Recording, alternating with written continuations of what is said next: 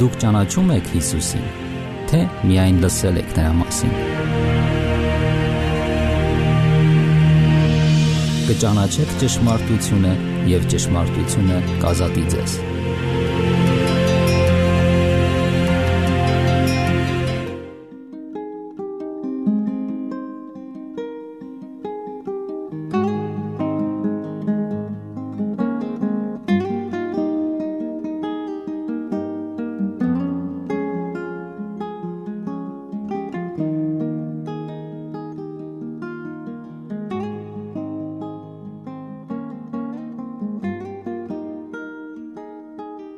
Բարև ձեզ, սիրելի ռադիոլսողներ։ Եթերում ղողանջ հավերժության հաղորդաշարն է։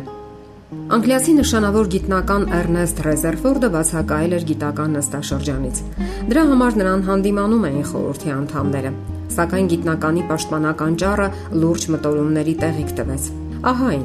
Խնդրում եմ ցածր խոսեք։ Հենց նոր ավարտված հետազոտությունները հանգեցնում են այն մտքին, որ հնարավոր է արհեստականորեն ճեղքել ատոմը։ Եթե ողջվի, որ հայտնագործությունը ճիշտ է, ապա դա շատ ավելի կարևոր է, քան պատերազմը։ Դրանք առաջին համաշխարհային պատերազմի տարիներն էին։ Այդ ժամանակ արդեն ամբողջ աշխարհը թվում էր թե կլանված է մեն մի գաղափարով ողրզել, թե ինչն է ստիպում, որ տիեզերքը սլանա մեծ արագությամբ։ 1932 թվականին նեյտրոնի հայտնագործությամբ գտնվեց միջուկի ճեղքման բանալին։ Գիտնականները պարզապես հրաժարվում էին հավատալ այն բանին, ինչ ցույց էին տալիս սարքերը։ Դա պարզապես անհավանական էր։ Գիտնականներից մեկը նկատեց. այդ նոր գաղափարների մասին մտորելիս ես պարզապես սարսափ եմ զգում։ Դրանից հետո հայտնվեց ռումբը Այն հայտնաբերողները այդպես էլ մինչև վերջ չհասկացան, թե այդ ինչ հրեշ են ստեղծել, ընդհուպ մինչև այն պահը, երբ պաշտպանեցին իրենց աչքերը լույսի կուրացուցիչ բռնկումից,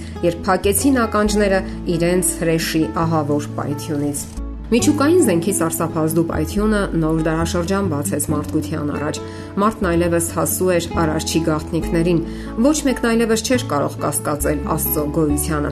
Աշխարհահռչակ գիտնական Ալբերտ Այնշտեյնը հետևություն արեց, որ միջուկի ճեղքումը արարման հակառակ գործընթացն է, քանի որ եթե մարդը կարող է էներգիայի վերածել նյութը, ապա միթե արարիչը չէր կարող նյութի վերածել էներգիա, այլ կերպ ասած արարել տիեզերքը։ Հնարավոր է նաև Աստված թույլ է տվել ատոմի ճեղքումը, որpիսի հասկանանք, թե ինչպես է աշխատում ինքը։ Աստվածաշունչն ասում է. Տիրոջ խոսքով երկինքը ստեղծվեց եւ նրա բերանի հոգով նրա բոլոր զորքերը, որովհետեւ նա ասեց եւ եղավ, նա հրամայեց եւ հաստատվեց։ Չնչին ատոմը ստիպեց, որ մարդը մի անգամ էլ մտածի այս խոսքերի մասին, մտածել միայն, թե ինչպես է սկսել իր պատմական ուղին մեր երկիր մոլորակը։ Աստված հարցնում է իր ծառահոբին Ուր է իր, երբ ես դնում էի երկրի հիմունքը, երբ առավոտյան աստղերը միասին ցնծում էին եւ Աստծո բոլոր ворթիները միասին գովաբանում էին։ Մարդկային միտքը չի կարող պատկերացնել արարչագործության ողջ գեղեցկությունը եւ վեհությունը։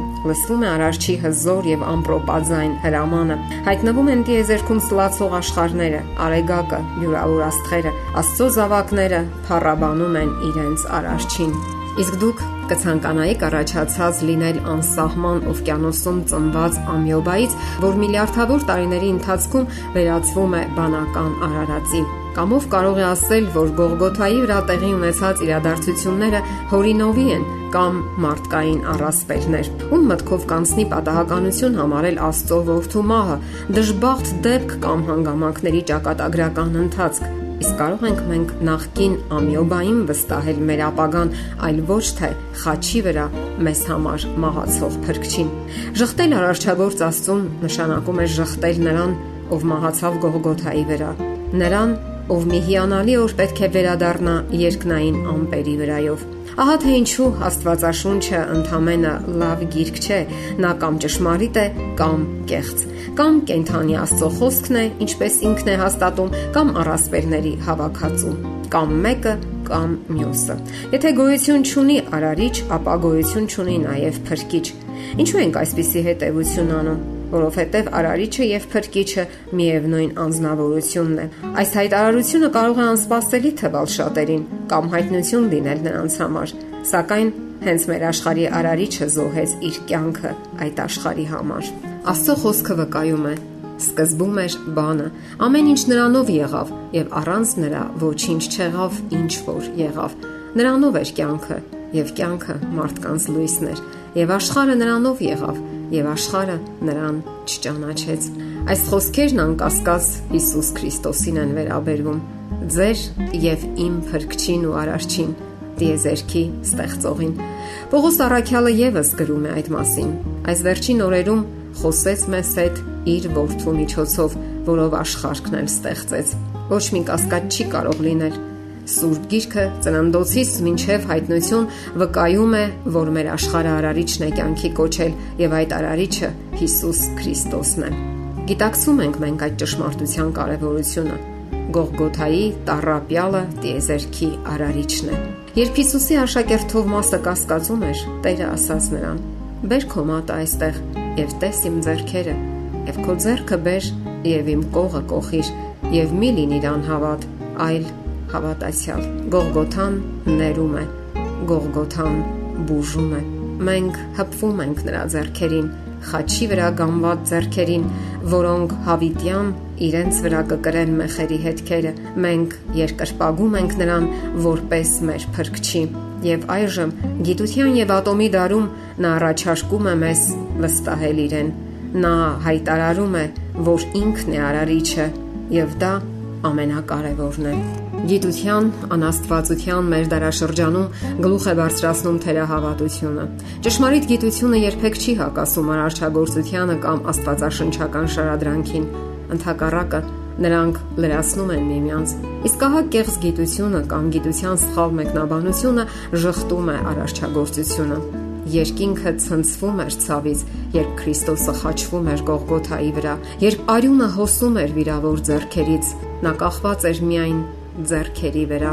Մեխերի պատճառած ցավը ավելի ու ավելի սարսափելի էր դառնում։ Այդ ամբողջ ժամանակ նա տանջվում էր ողջ աշխարհի մեղքերի բեռանտակ։ Այդ սարսափելի օրը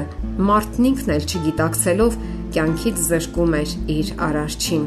Այդ ձեռքերը, որ մեղվել էին անմշակ եւ կոպիտ փայտին, աշխարհներ էին արարել։ Նրանք էին կյանքի կոչել եւ շարժման մեջ դրել բյուրավոր աստղերը, անսահման տիեզերքը։ Նա չէր երկմտել տալու իր կյանքը, խաչին գամելու իր ձեռքերը, որոնք ստեղծել էին ատոմը, այն ատոմները, որոնցից կազմված էր խաչը։ Այնտեղ Գողգոթայի վրա երկրի ու երկնքի արարիչը վերականգնում էր Աստծո եւ մարդկանց միջև գոյություն ունեցող կամուրջը։ Ինչն էր ստիպել նրան այդպես վարվել, որովհետև Աստված այնպես սիրեց աշխարը, որ իր միածին որդին տվեց, որ ամեն նրան հավատացողը չկորչի, այլ հավիտենական կյանք ունենա։ Սիրելի ռադիոլսողներ, եթերում ղողանջ հավերժության հաղորդաշարներ։ Ձեզ հետ է Գեղեցիկ Մարտիրոսյանը։